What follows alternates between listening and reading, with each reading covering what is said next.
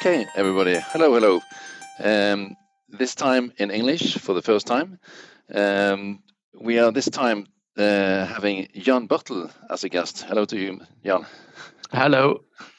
You are an associate professor at uh, Høgskolen på Vestlandet, the Western Norway University of Applied Sciences, and you are uh, working at the Department for Mechanical and Marine Engineering. Um, am I right?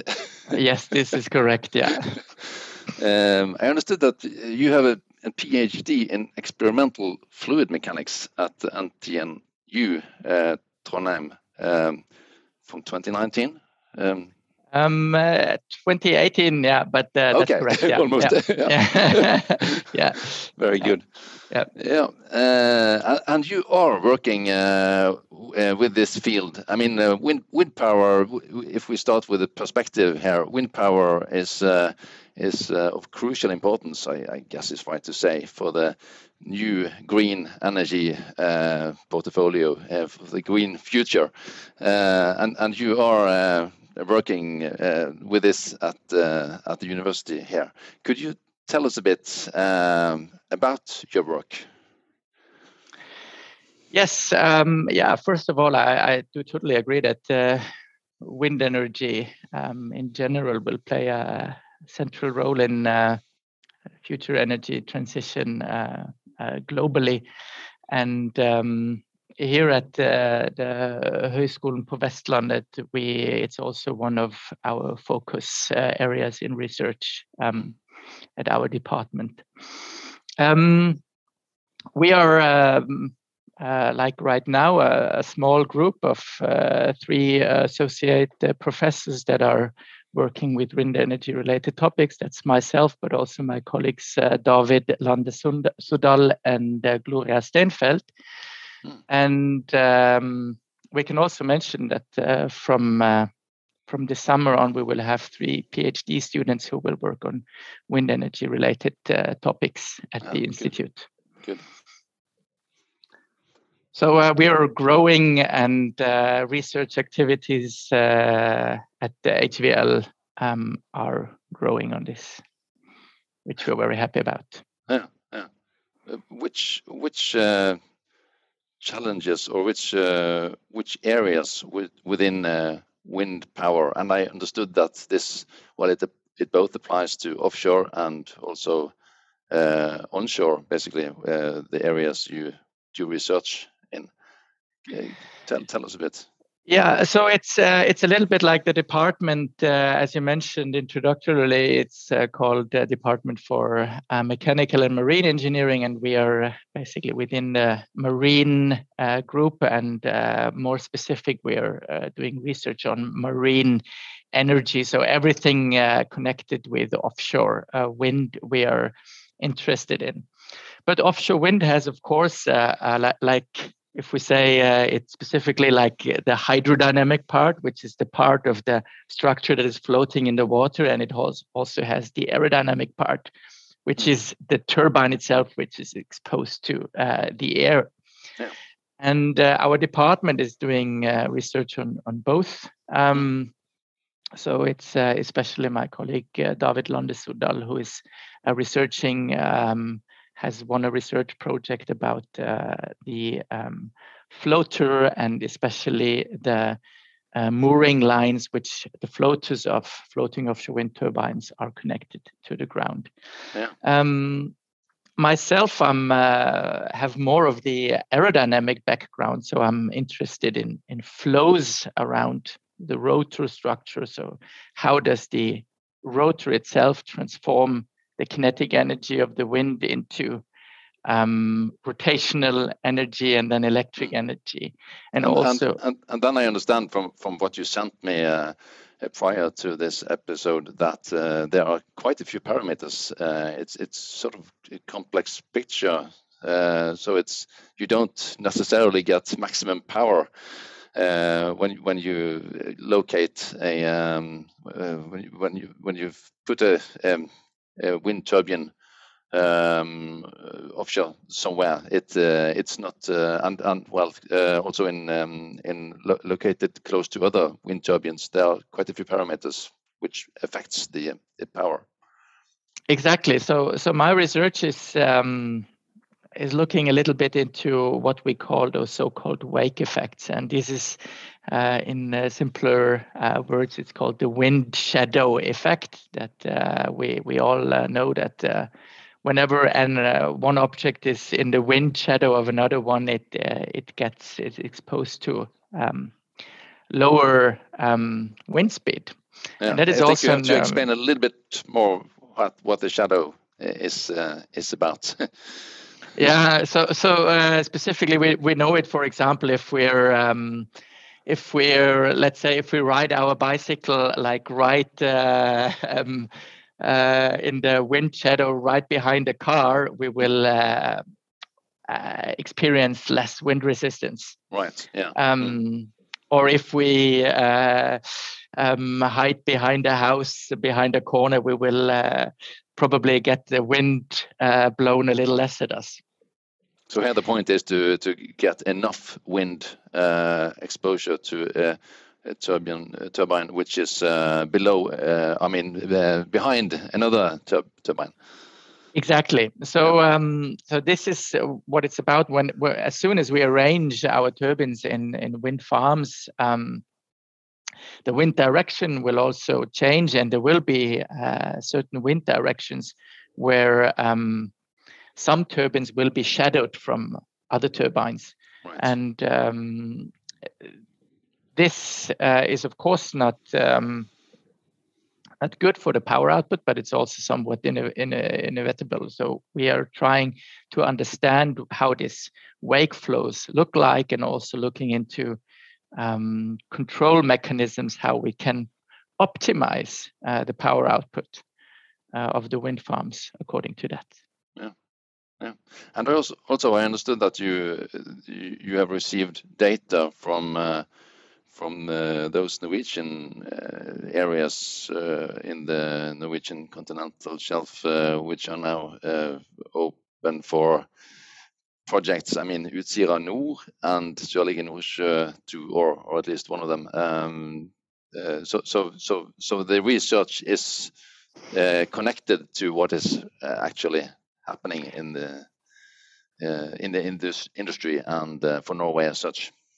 Yes, exactly. Um, uh, so uh, whenever we do, and also we, we use those data for for for as example data for for a course uh, ocean renewable energy that we're uh, teaching, and of course we're doing those calculations on um, data which are very relevant for Norwegian wind energy development. So um, which data we use for the models uh, that we're using is not so important, uh, but uh, if we have uh, very good examples that are very close to us, we will of course use them and see what the energy potential is out there in uh, specifically those two areas.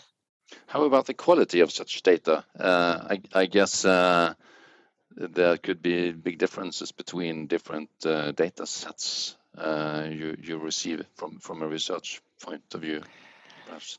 Um, yes, that, that that is true. I mean, um, as far as I'm concerned now, I'm not specifically um, collecting those data myself, um, but as far as I know those data from uh, Utsira and uh, Sørlige um, those are um, well recalculated uh, data from weather models. Uh, so there has not been a wind measurement uh, directly at the sites uh, yet, which produces reliable measurements. So the data has been reconstructed, ah, and this is this is good enough for for um, for a first um, sight at the data. It's probably it does not have um, the detail which is required for um, yeah, very detailed energy calculations yet. I, I see. But yeah. but do you uh, receive uh, data from uh, other locations worldwide, so to speak, where there has been uh, things have been in operation for a while, perhaps maybe from uh, bottom fixed applications or? Um, yes. Well, um, we when it comes to full scale uh, wind measurements, we're now, uh, for example, I have a bachelor project that I'm working on where we're looking um, into wind measurement data that has been recorded uh, at the Frøya outside, uh, outside of Trondheim. Okay. And um, there has been uh, wind measurements been running for like over 30 years. And um, uh, the last uh, 10 years, those uh, wind measurements have been very detailed and very high resolution, which mm. we consider could be uh, very advantageous for uh, this research. Yeah, yeah. Um, is there, I mean, uh, is it perhaps also in the way that you um, give feedback or I mean, if you if you find that from a research point of view, you would uh, you would need some more parameters, uh, so some more types of data. Would you be able to to ask the industrial uh, companies to uh, to provide more measurements or whatever? well, uh, this is actually like, uh, especially when it comes to production data of wind turbines, it's very difficult to get a hold of them. Hmm. Um, as far as I know, I haven't tried myself uh, to be completely honest. But as far as I know, most uh, wind farm operators uh, don't give out the, the data to uh, research uh, just like that. Yeah, I think you have to have a, a very um, uh, research collabora- collaboration um, uh, hmm. and lots of uh, non-disclosure agreements and so on and so on. I understand. Um, yeah, That's a good point. yeah. Another thing which we spoke about before the before the uh, episode uh, started here. I mean uh, the recording. Um, um, you, you, look at uh, in, in in your research. You you also look at the so-called um, multi-rotor versus single rotor applications. Uh, perhaps it's better that you explain yourself what, what the difference uh, is. But I, I, think it's it looks in, uh, fascinating. Uh, exactly. Yeah. This is. Um, I think this is one one of uh, one very good example for. Um, a very innovative uh, new concepts how to extract wind energy hmm. and especially when it comes to floating concepts that are being installed offshore um, and uh, when in the transition from going from onshore wind to uh, bottom fixed offshore wind and then to floating offshore wind, um, the main difference is that uh, from an economic point of view that we get higher prices because offshore everything is more expensive hmm. and uh, if we have um, floating uh, substructures for a wind turbine it becomes very expensive uh, at least at the at this point of time where we are and so um, people have uh, challenged uh, over the last 10 years if um, we if it wouldn't be more economical to um, install several units at one floating uh, uh support structure for a wind turbine. And this would be then a multi-rotor because the rotors would be uh, placed very close to each other, which might have disadvantages, might also have advantages. Um, but uh, there is research that is pointing towards that the total cost of energy, as we call it, would come down significantly by this what could be the disadvantage? Uh, maybe a stupid question, but any, but after all. well, a, a disadvantage uh, could be that that's a very good question. Um, is that if you have multiple rotors very close to each other, that also again those so-called wake effects would uh, be very um, uh, strong. If you yeah. um, that they make uh, shadows, which are that, that they make sh sh shadows exactly. Um, uh, if you if you don't manage to expose them to the wind or if if those let's say it's just two turbines on one export uh, support structure um, they could uh, shadow uh, each other and steal wind from each other. Hmm. Uh, in this case um, what about the maintenance perspective and operation perspective? I, I guess there would be advantages by having uh, maybe more rotors uh, on the same structure uh, you don't you, you don't need to move from from one structure to another in perhaps harsh uh, environment offshore. Uh, is that is that an advantage, perhaps? Exactly. Yeah, I, I think that's uh, what uh, people see as one of the main advantages with multi-rotor concepts. If you if you consider a wind turbine that has, let's say, uh, the newer wind turbines have 10 uh, megawatts uh, today. If those wind turbine fails, of whatever reason, it might just be a small uh, failure in the electronic um, system of the turbine, it has to be shut down. And if you have harsh conditions offshore, it would uh, take, uh, in, in some cases, up to several days until a maintenance team can go out and fix the problem. So you would lo- lose uh, 10 megawatt uh, over a couple of days.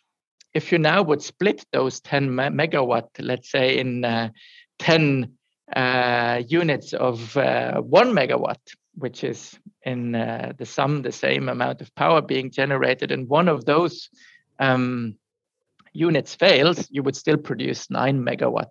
Um, and you could wait until the next weather window to do maintenance work on those.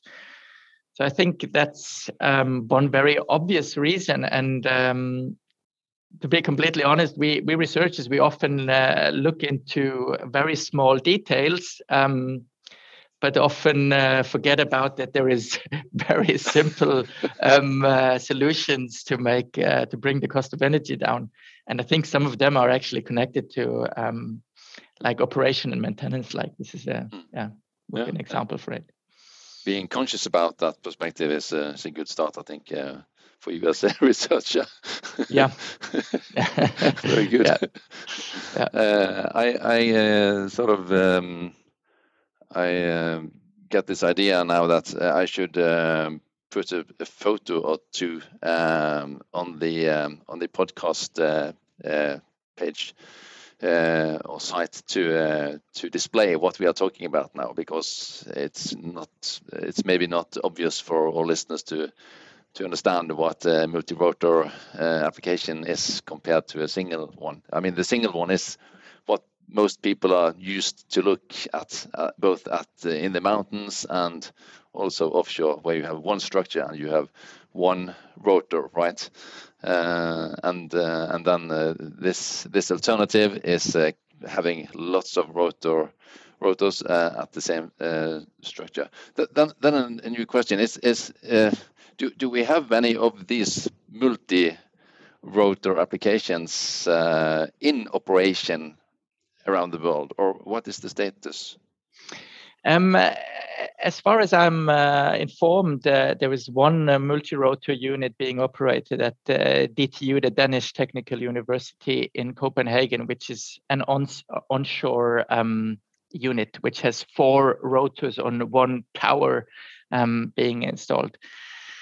Um, so uh, in this case, it's actually uh, old, s- smaller old turbines that have been reused uh, for this uh, purpose. But um, sounds like a good thing from a sustainability point of view.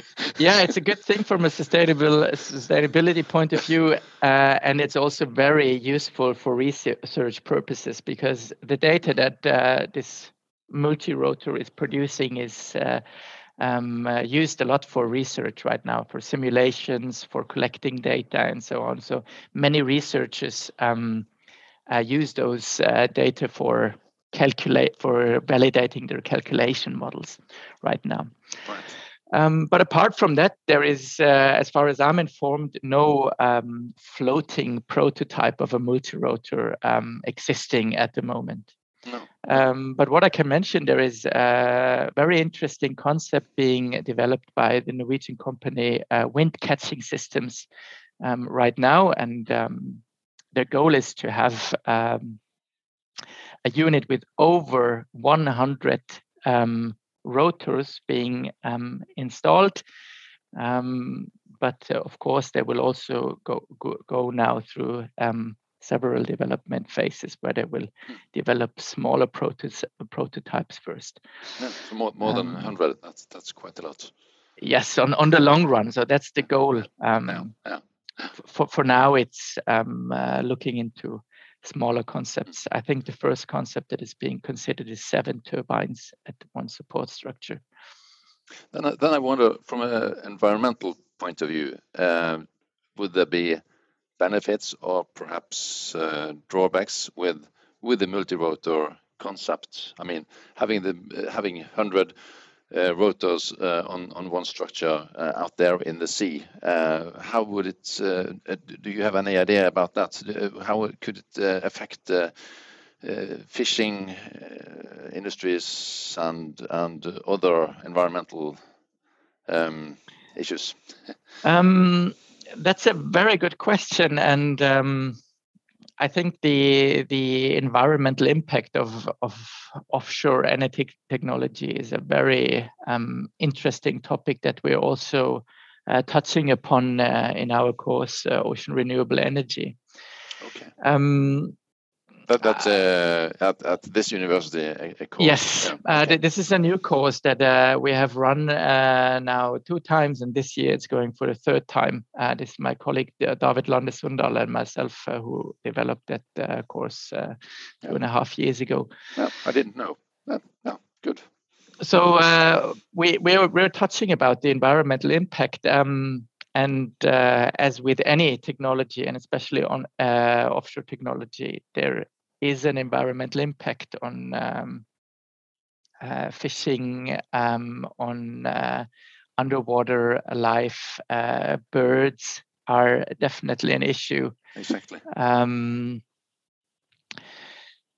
uh, the question is, in the end, um, how big the impact is um, compared to the climate change uh, that is uh, further progressing, uh, in my opinion, at least. Yeah, yeah. So yeah, um, that's balance. There, uh, it, it's it's it's it's the balance and it's the uh, dilemma. I, I, do totally agree. Um, uh, we I cannot um, answer that question, and I think no one really can at this moment. right. um, I think you're right. Yeah, what what I can say compared multi-rotors to single uh, rotor concepts, I don't see any significant differences um, mm. when it comes to, in, to, to the environmental impact. Yeah, yeah, um, yeah, and that that's uh, uh, well. Uh, I'm, I'm, i was just uh, wondering, is that good news or bad news? But uh, at, at, least if that's correct, it's not uh, it uh, it's uh, probably uh, um, not a, a, drawback to go in that direction from an environmental um, point of view. No, no. Um, we had lot, lots of discussions uh, about uh, this technology, but I don't think um, that uh, the environmental impact would be so different because you would you would install a huge structure offshore anyway, hmm. and um,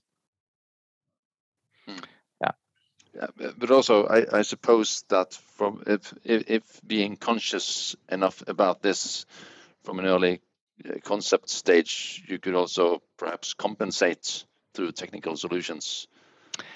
Yeah, that's a very good point. That's a very good point. I, I mean, um, there has been um, when it when it comes to uh, to um, the interaction of uh, birds with wind turbines, there have been some very interesting and very simple solutions, um, like uh, uh paintings of uh, blades that uh, increasing the visibility, having yeah. more yeah. warning light, yes. and so on. And these has been like after like a couple of years of implementation now have have been proven to be very um, effective uh, in a way. Hmm. So, um, so simplicity is often uh, is, is sometimes the smartest thing.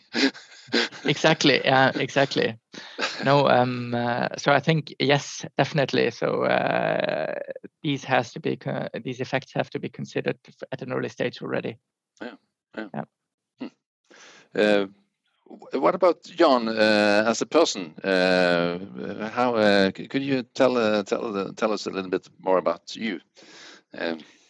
yeah, yeah, yes. Uh, well, well, uh, I'm I'm originally from from Germany, from um, the surroundings of Munich, and grew up close to the Alps, and I would say very close to to nature. And this is also where my fascination for for Scandinavia came from. Yeah. Um, did you do a lot of skiing? Do you love skiing, perhaps? Yeah, I, I, do, I do like uh, skiing a lot, of, of course, and uh, and and then uh, also at uh, very at childhood age, uh, my parents took me to uh, northern Norway and northern Sweden, and we hiked through the national parks and okay. wa- walked the mountains there. And I think this was the initial spark, which also brought me um, to Norway at some point. Yeah, yeah, yeah.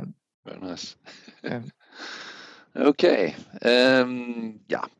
Other things we should uh, we should touch upon uh, regarding uh, the, the the wind technology and wind research. You think? Um, uh, no, not necessarily. There is there is of course a lots of uh, different uh, topic that we could talk about. Um, I think the research on wind energy is um, there is many different categories when we when we start from the wind itself uh, meteorology where does it come from how does it change? Um, then especially when going to offshore we have also oceanography wind and wave interaction. This is very interesting where um, for example the university of bergen is very doing very good uh, research in and um, then uh, there is the turbine itself, uh, the material um, uh, structural um, issues connected to that. Mm. Um, then there is the aerodynamics part, which we which we touched upon a little bit. Um, how to control the turbines um, to increase the power output, but also to um, to react on uh, different uh, instabilities in the electric electricity network, uh, which yeah. is um, very interesting, I think. Yeah. Um, the last one being, uh, I guess, an important uh, topic in general. Also, I mean, how to how to control the electric networks uh, more. Yeah. Uh, yeah. Exactly, exactly. So, so, so, this is um, and this is definitely not my my area of expertise. Um, uh, this part, but uh, I think this is one of the areas which uh, require um, a lot of research uh, being done, and and uh, I think if we talk about more more general about uh, wind energy and its uh, role in, into our future energy systems, um, I think wind energy will, if you want or not, uh, play a very important role, and the amount of wind energy around the world will um, significantly increase, and it has significantly increased or also already over the last uh, 20 years. Yeah, absolutely. Um, if, if you if you uh, um, if you sort of got a big amount of money uh, to to do whatever research uh, would be most efficient in in the way of uh, rolling rolling out wind power uh, more yeah more mm. efficient in in well in the big picture what what what what would the research be about you think that, that's a very good question, and uh, I wouldn't give it to myself, uh, to be honest, uh, who's doing uh, research on uh, on, on on aerodynamics and uh, improving small little details with one or two percent. I, I, would probably give it to people who are working on control uh, of turbines and the stabilization of the electric uh, net. Hmm. Um, also developing um, uh, storage technologies yeah. is important. Um, yeah. Hydro- hydrogen, uh, the interaction exactly. of uh, wind and hydropower in Norway. Hmm. Um, yeah. All that are problems um, that kind of uh, make it difficult for larger amounts of wind energies in wind energy to be integrated into the electrical net mm. at the moment. Yeah. Um, and I think um, on the background of that, climate change is uh, knocking on our doors and is uh, around the corner. We should uh, make sure that this development is going fast um, and for that, we need uh, a working electrical network. Yeah, yeah, yeah. I see your point. Mm. Okay. I, th I think we should uh, uh, end it here this uh, this episode. But it was uh, very nice to uh, to talk to you, Jan, uh, about yeah. this. thank you for the talk. So it it gives it gave me more insight, and I, and I certainly hope and think it gives also the listeners more more insight. So thank you very much to you, Jan Bartl. Very nice to have you. Yes, thank you, Knut, for for inviting me for this talk it was very very good to to talk to you and uh, uh, share some of. I hope I could share some insights what current developments uh, for uh, especially offshore wind energy uh, look like. Du har nå hørt en podkast fra Høgskolen på Vestlandet. Du kan høre flere podkaster fra oss ved å gå inn på nettsiden hvl.no. slash podkast.